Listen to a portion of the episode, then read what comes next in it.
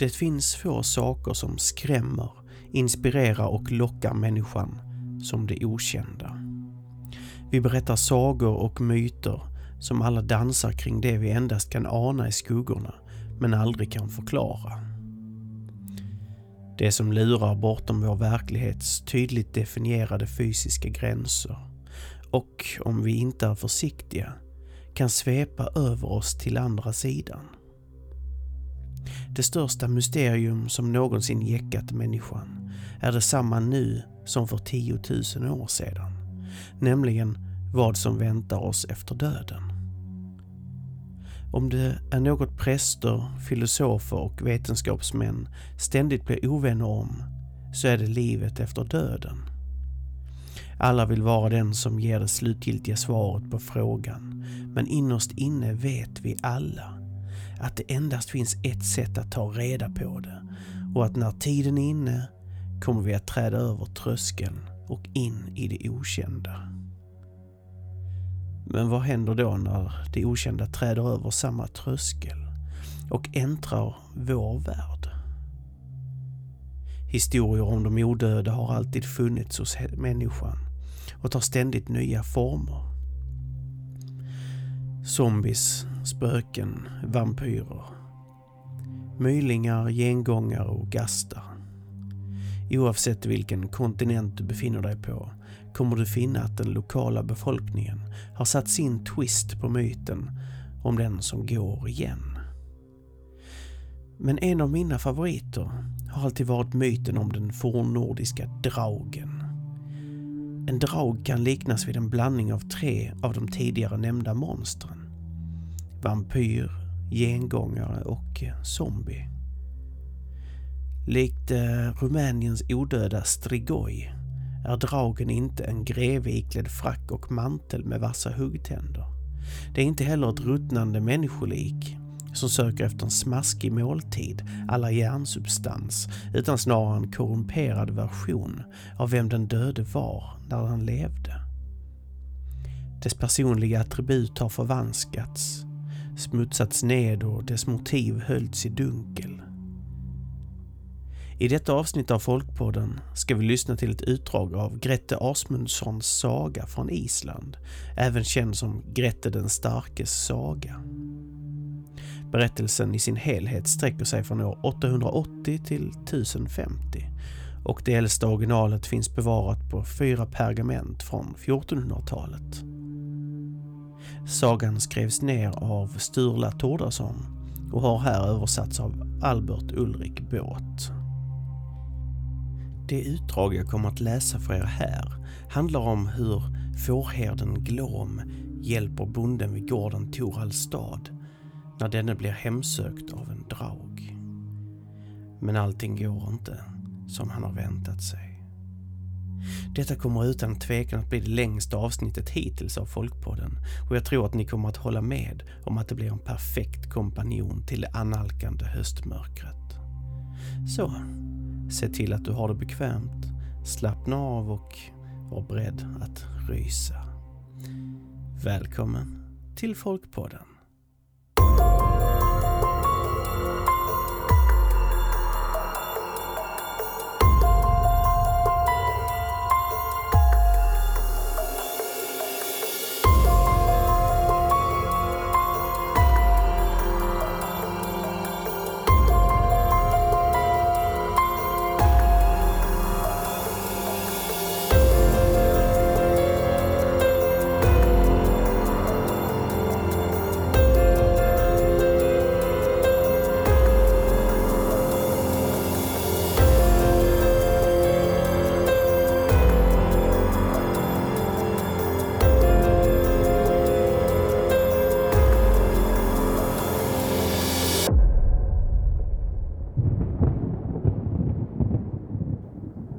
Torhall hette en man som bodde på gården Torhalls stad i Torsälodalen, vilken sträcker sig söderut ifrån Vattensdalen. Han var en förmögen man. I synnerhet var hans rikedom på boskap ansenlig, så att ingen där i dalen hade en större uppsättning än han. Visserligen var han ej hövding, men han var en rättskaffens bonde. Det spökade mycket på hans gård. Jämt var det hemsökt av gengångare och han hade därför svårt att få en dugande fårherde som ville stanna där. Häröver beklagade han sig för många förståndiga män, men ingen kunde giva honom ett råd som dög. Varje sommar red han med sina goda hästar till alltinget. Så trädde han en sommardag in i lagsagomannen Skafte Torodssons bod. Denne var vitt frejdad för sin klokhet och alltid gav han goda råd då man bad honom därom. Han hälsade Torhall vänligt, ty han kände honom som en välburgen man och han sporde om han hade något nytt att berätta. Hit kommer jag för att få ett lyckosamt råd, svarade han. Sådant är jag näppeligen mannen till att ge, sade Skafte. Säg mig dock vad som drabbat dig. Det är så ställt, återtog han, att det faller sig vanskligt för mig att hålla kvar mina fårherdar. Somliga skadas i tjänsten och andra löpa genast ur den. Hos mig vill numera ingen städja sig som vet hur det står till på gården. Onda väsen torde dväljas där, menade Skafte. När folket är mindre villigt att vakta din fänad än andras. Men eftersom du sökt råd hos mig ska jag skaffa dig en fårherde som heter Glom. Han stammar från Sylsdalarna i Sverige. Hit till Island kom han förra sommaren. Han är stor och stark men föga liden av folket. Torhall förklarade att härvid fäste han sig mindre, blott karen förstod att sköta hans boskap väl. Varpå Skafte anmärkte att andra herdar skulle ha en liten utsikt att vakta hans får ifall denne saknade kraft och mod därtill. Därpå lämnade Torhall boden. Tiden för alltingets avslutning var nu inne och Torhall saknade ett par blackiga hästar som han haft med sig dit. Han gick själv ut för att leta efter dem och därav slöt man att han ej var någon ansenlig bonde. Han vandrade upp till Slädeåsen och sedan söderut längs ett fjäll som kallas Årmans fäll. Då såg han en man komma gående från goda skogen. Han ledde en häst lastad med risbränsle och då de möttes frågade Torhall honom efter hans namn. Han hette Glom, sade han. Han var en storvuxen man med ett sällsamt utseende. Han hade stora grå ögon och ulvgrått hår. Torhall blev underlig till mods då han såg denne man. Men han förstod strax att det var till honom han av Skafte hänvisats. Vad duger du bäst till? frågade han. Jag duger utmärkt till att vakta fåren om vintern, svarade Glom. Vill du vakta mina? Skaft lagsagoman har överlämnat dig åt mig. Min tjänst varder dig gagnelig, blott ifall det tillstädjes mig att gå mina egna vägnar. Ty lätt blir jag vresig om ej allt går efter mitt sinne. Ej är det ont i slikt. Det är min önskan att du tar tjänst hos mig. Gärna vill jag det, men eh, säg mig om något vanskligt följer med tjänsten. Det ser ut som om det spökar där hemma på gården. Spöken är jag inte rädd för. De gör livet lustigt. Ditt goda mod kommer du att behöva. Du ska ha gagn av att du ej är en stackare. Sen stadde han en glom och skulle denne tillträda sin tjänst en av de första vinterdagarna. Därpå skildes det och Torhall fann snart sina hästar på samma ställe där han nyss förgäves letat efter dem. Han red hem sedan han tackat Skafte för hans vänliga hjälp.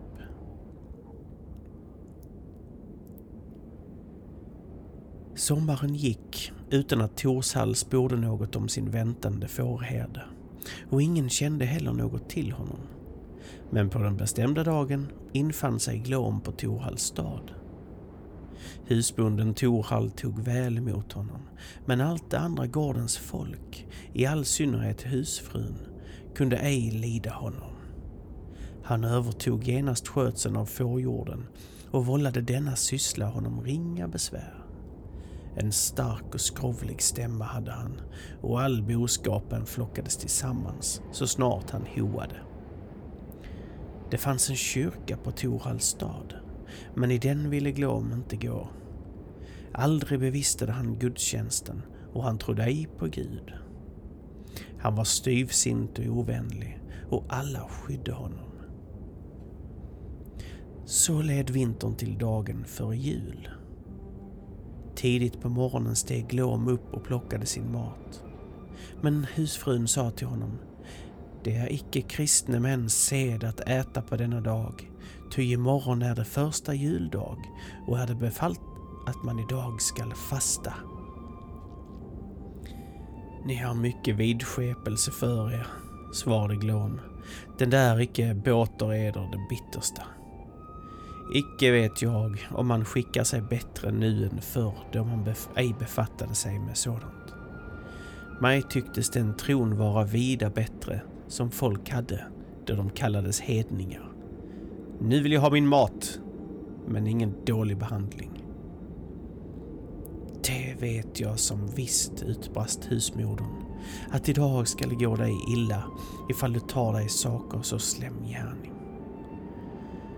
Då befallde Glom henne att genast ta fram maten, annars skulle det värsta vederfaras henne. Hon vågade ej annat än göra honom till viljes. Så snart han var mätt gick han ut och hans andedräkt var vidrig. Luften var tjock och skum, snön virvlade ner och det göd ett ständigt brusande. Ju mera dagen led, dess värre var vädret. Om förmiddagen hörde folket tydligt fårherdens stämma då han hoade på boskapen. Men den förnams svagare, allt eftersom kvällen närmade sig.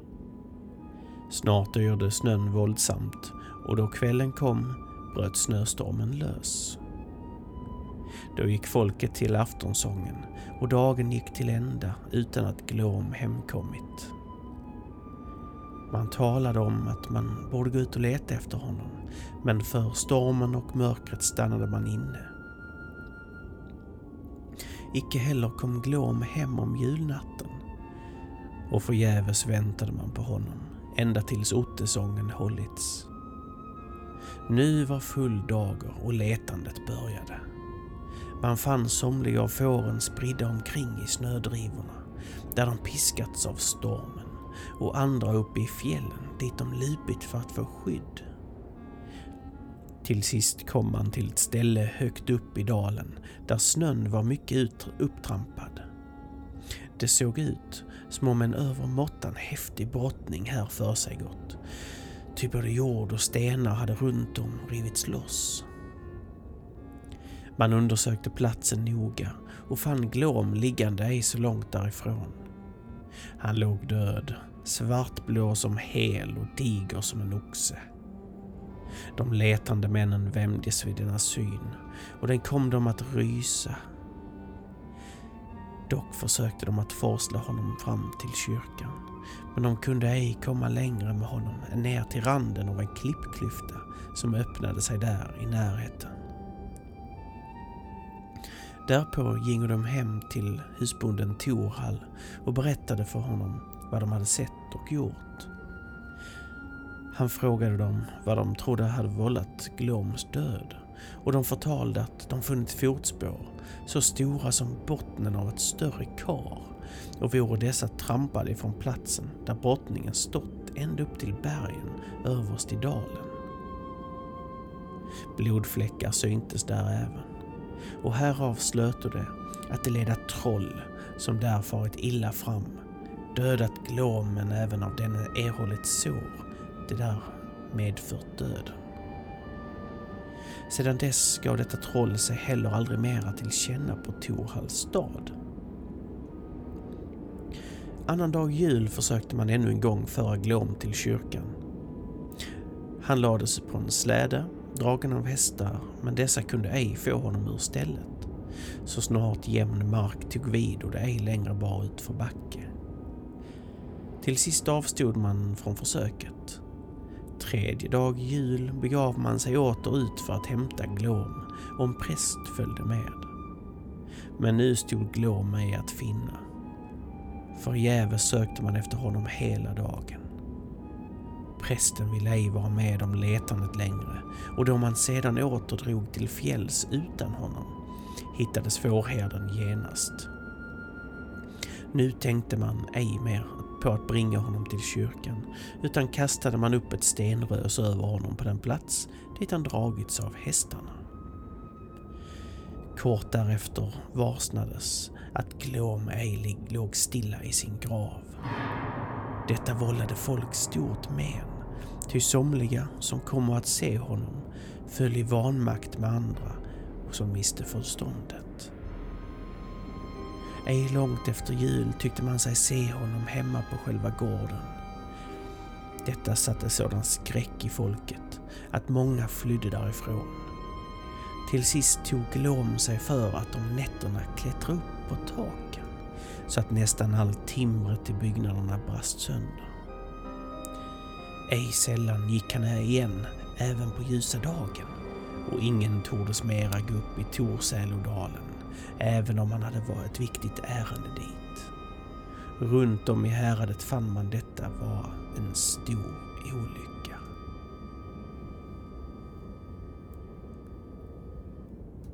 Om våren stadde sig Torhall nya tjänstehjon och lät dem bygga upp de förstörda husen.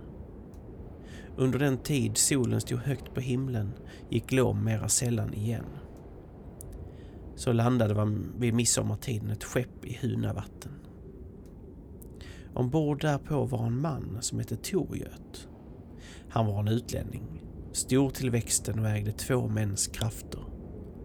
Han var lös och ledig och sökte sig till tjänst, ty han ägde alls ingenting. Torhall bonde red till skeppet. Där träffade han Torgöt som sporde om han ville taga en tjänst på hans gård. Härtill var han villig. Det är mig likgiltigt, sade han, vad jag sättes till. Då må du vara beredd på, genmälte Torhall, att hemma hos mig är icke platsen för mesaktiga karlar. Ty på senaste tiden har gengångare huserat där. Jag vill på intet sätt bedraga dig. Förlorad ger mig icke strax, återtog han om jag också får se små spökelser. Och mera torde tarvas för att jag ska bli rädd. För denna saks skull vill jag ej söka mig någon annan upphällsort. Snart vore de överens om städslingen. Nästa vinter skulle tåget vakta Tohalls får. En av de första vinterdagarna inställde han sig i tjänsten och inom kort stod han väl hos alla på gården. Ständigt kom Glom dit och tumlade om uppe på taken. Detta fann Torgert synnerligen nöjsamt. Den där trälen, sa han. Får allt komma mig lite närmare ifall jag ska bli rädd för honom. Torhall bad honom ej vara så utlåtlig. Det är nog bäst, menade han, att ni två ej giver er i färd med varandra. Sannerligen, utlöt sig Torgöt. Är icke modet alldeles skrämt ur er? Icke ämnar jag ramla i kull av förskräckelse för allt detta skymningsskvaller om glåm. Så led vintern fram till jul. Under julaftonen ville Torgöt gå ut till sin boskap. Men då sa husfrun. Måtte det ej gå som förra julen. Bekymra dig icke husmoder, genmälte han. Alltid blir det något att tala om ifall jag ej kommer tillbaka. Därefter gick han ut. Vädret var kallt och snön yrde vilt. Eljest plägade Torgöt alltid återkomma hem i skymningen. Men denna kväll syntes han icke till. Folket gick som vanligt i aftonsången och man tyckte sig redan vänta vad som komma skulle. Husbunden Torhall menade att spaningar genast skulle anställas, men kyrkfolket gjorde undanflykter. Man ville ej vedervåga livet med att i nattetid gå ut och kasta sig i trollens armar. och som Torhall ej vågade se ensam ut blev det ej letat efter herden. Det var först under juldagen, då männen vore mätta, som de drog ut på spaning. De gick genast bort till en stendös som uppkastats över Glom, ty alla vore av den mening att denna vållat Torgiots försvinnande. Då de kommer nära dösen fingo de se vad underligt där timat. Fårherden låg där död med avbruten hals och varenda ben i honom var krossat. Därpå buro de honom hän till kyrkan och aldrig gjorde han sedan någon man skada. Men Glom började ånyo gå igen, värre än någonsin. Nu tillställde han så mycket ofog att allt folket i all hast begav sig bort från Torhalls stad, utom Torhall själv och hans husfru samt en gammal koherd. Denna hade varit där länge och honom ville Torhall ogärna mista, ty han var skötsam och trogen. Också ville han själv stanna kvar, ty han såg att allt vad husbonden ägde skulle förfaras om ingen vårdade sig om det. Efter midvintertid gick husfrun en morgon, så som hon alltid plägade, ut till kostallet för att mjölka. Det var ljus dag, ty ingen mer än den åldrige koherden vågade sig tidigare ut. Han var alltid uppe i dagbräckningen.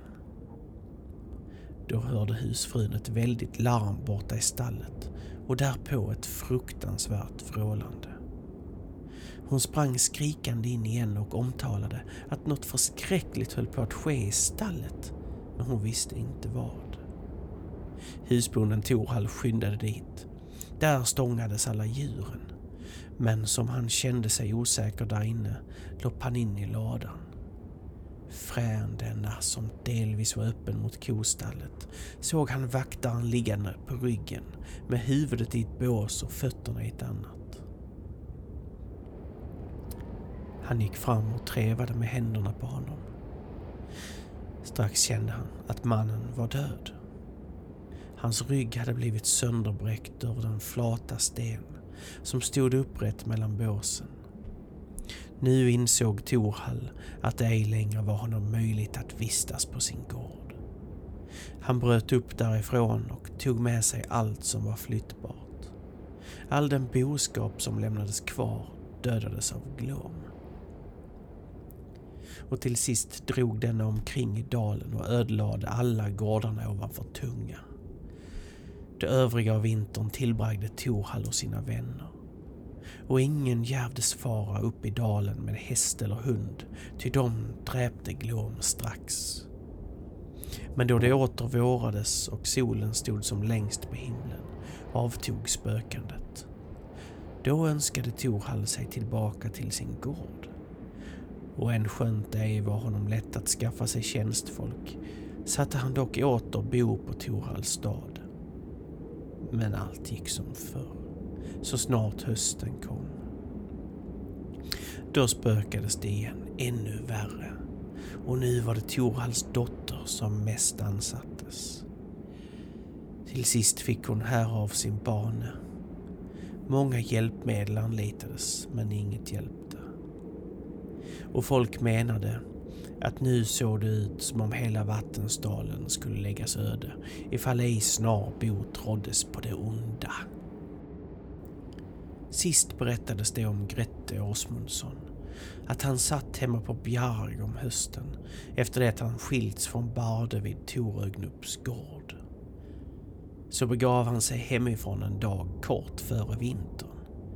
Han red norrut över fjällen till Videdalen och gästade Ödunstad. Nu blev han och Ödun till fullo förlikta och han förärade denne en god oxe. De avtalade med varandra en ständig vänskap och sen bodde Ödun länge på Ödunstad. Han var välsignad med många och mäktiga efterkommande. Grette red därpå norrut till Vattensdalen. Där besökte han sin morbror Jökull på Tunga. Denne var en stark och stor man, mycket övermodig och ständigt var han stadd på segling mellan länderna och han var ej god att nappas med. Med fägnad tog han emot Grette och denne stannade hos honom i tre dagar. Vid denna tid talas där i bygden mer om spökandet på Torhallstaden om något annat. Och Grette sporde nogsamt om allt vad som där tilldragit sig. Intet mera eller annat har sagts än vad som verkligen timat, försäkrade morbrorn. Har du törhända lust, frände, att rida dit? Detta medgav Grette. Gör det inte, invände Jökull, ty detta är ett stort vågstycke och dina fränder äventyrar mycket då du drar ovårdsamt fram. Alla menar vi att ingen av Islands unge män numera kan nämnas din like och vad glåm angår kan med fog sägas att av ond man kommer ont. Det är och vida bättre att ta ett kraftprov med en mänsklig man än med ett slikt troll. Och dock drager hågen mig till Torhalls stad, sa Grette. Mig lyster att se hur det där ser ut. Nu ser jag, återtog Jökull, att det till inget gagnar att avråda dig. Och sant säger ordspråket att lycka är ett och mandom är ett annat. Lika snällt slår olyckan ner den ene som den andra, invände Grette. Och tänk du hellre på hur det kommer att gå dig själv innan det är slut med dig. Hända kan, slöt Jökull, att vi två nu skådar något in i framtiden och dock kan ingen av oss taga sig tillvara. Därefter skildes de och de vore mycket missnöjda med varandras utlåtanden. Grette red till Torhalls stad och husbonden Torhall hälsade honom välkommen. Han sporde varthän han ämnade sig men han förklarade sig vilja stanna där på gården över natten ifall det icke föll sig olägligt. Stort tack, sa Torhall, är jag skyldig dig ifall du stannar. Fast mången på sista tiden ej funnit det fördelaktigt att gästa här. Säkerligen har du hört omtalas vad här försiggår. Och gärna ville jag, Grete, att intet ont vederföres dig för min skull. Men om du också själv slipper med livet härifrån vet jag dock med visshet att du kommer att mista din häst, ty ingen får behålla sin springare orörd som hit anländer. Men Grette förklarade att det var en lätt sak att skaffa sig en ny häst och Torhall blev då mycket glad över att han ville stanna där och han tog emot honom med öppna armar. Grettes häst stängdes in i ett starkt tillbommat stall. De gick till säng som aftonen och hela den natten förgick utan att Glom kom till gården. Då sa Torhall. Din ankomst har vållat en stor förändring.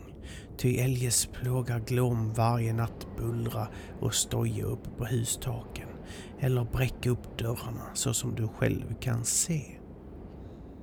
Nu bliver det antingen så, genmälte Grette, att han ej så länge just håller sig i ro eller också upphör han med sin vana att komma hit.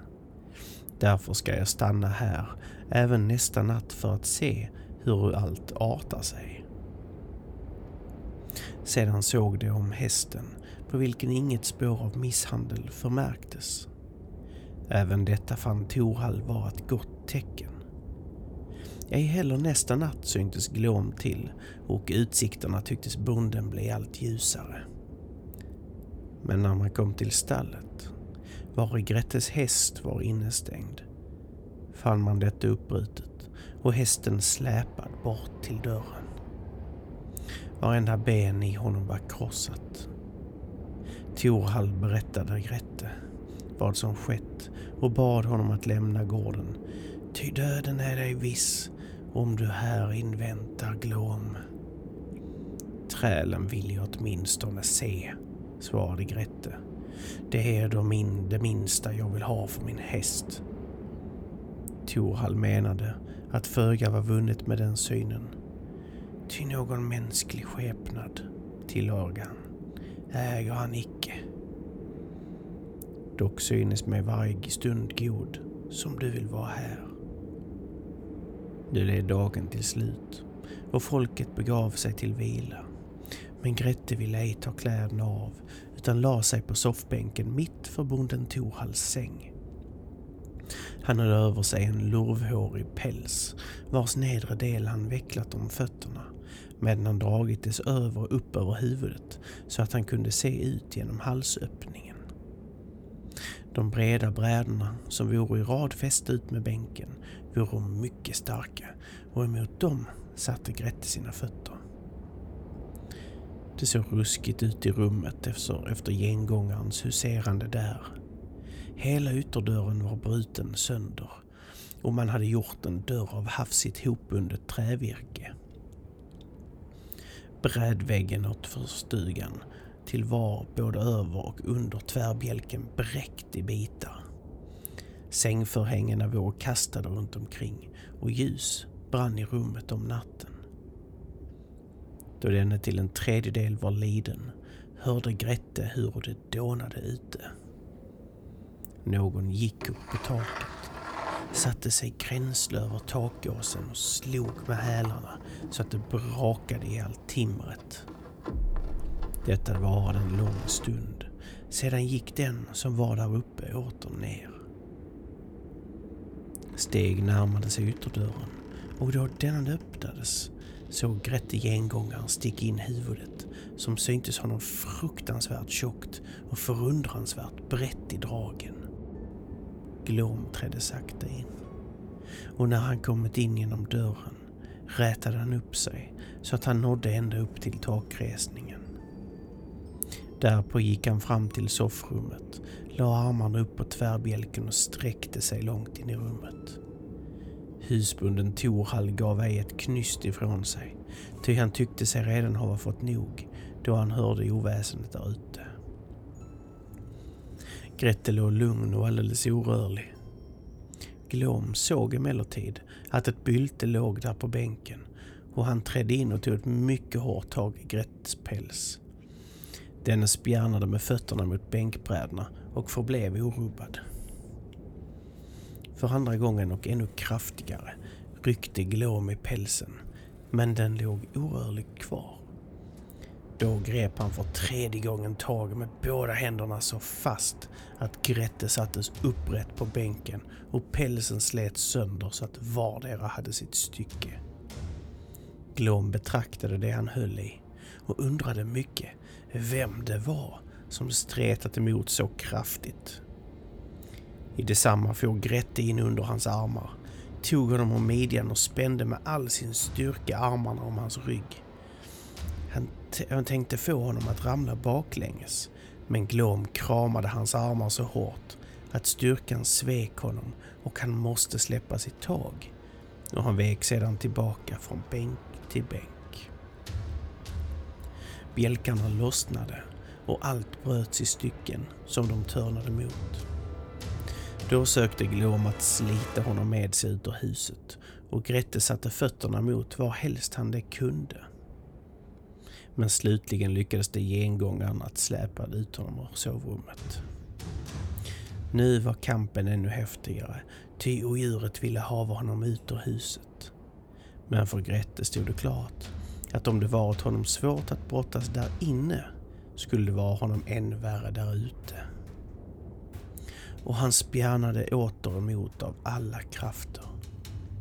Glom fördubblade sin styrka och när de till sist vore ända borta i dörröppningen klämde han Grette titt intill sig. Men när denne såg att motståndet ej längre lönade sig begagnade han sig av läget sådant det var. Han tryckte sig själv våldsamt mot gengångaren samtidigt med att han satte fötterna mot en jordfast sten som stod mitt i dörren. Detta hade den andra ej väntat och han stupade baklänges ut genom dörröppningen så att skuldrorna stötte mot den upp till och allt timmervirket lossnade från det frusna jordtaket.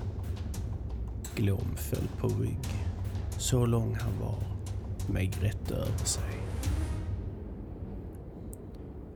Det var månsken med drivande skyar mellan vilka ljuset glänste fram. Men just som Glom föll gick skyn undan från månen så att den lyste klart. Och i samma stund spärrade spöket upp båda ögonen och Grette har själv sagt att denna syn varit den enda i hans liv som ingivit honom skräck. Så svek honom krafterna, trött som han var och därtill skrämd av Gloms hastigt rullande ögon. Han förmådde ej draga sitt kortsvärd och låg nästan som mellan liv och död. Emellertid fanns i Glom mer olycksbringande kraft än i den andra gengångare, ty han talade sålunda. Mycket möda har du gjort dig, Grette Åsmundsson, att få tag i mig. Men ingen skall förvåna sig om du ej får något gagn av detta möte med mig.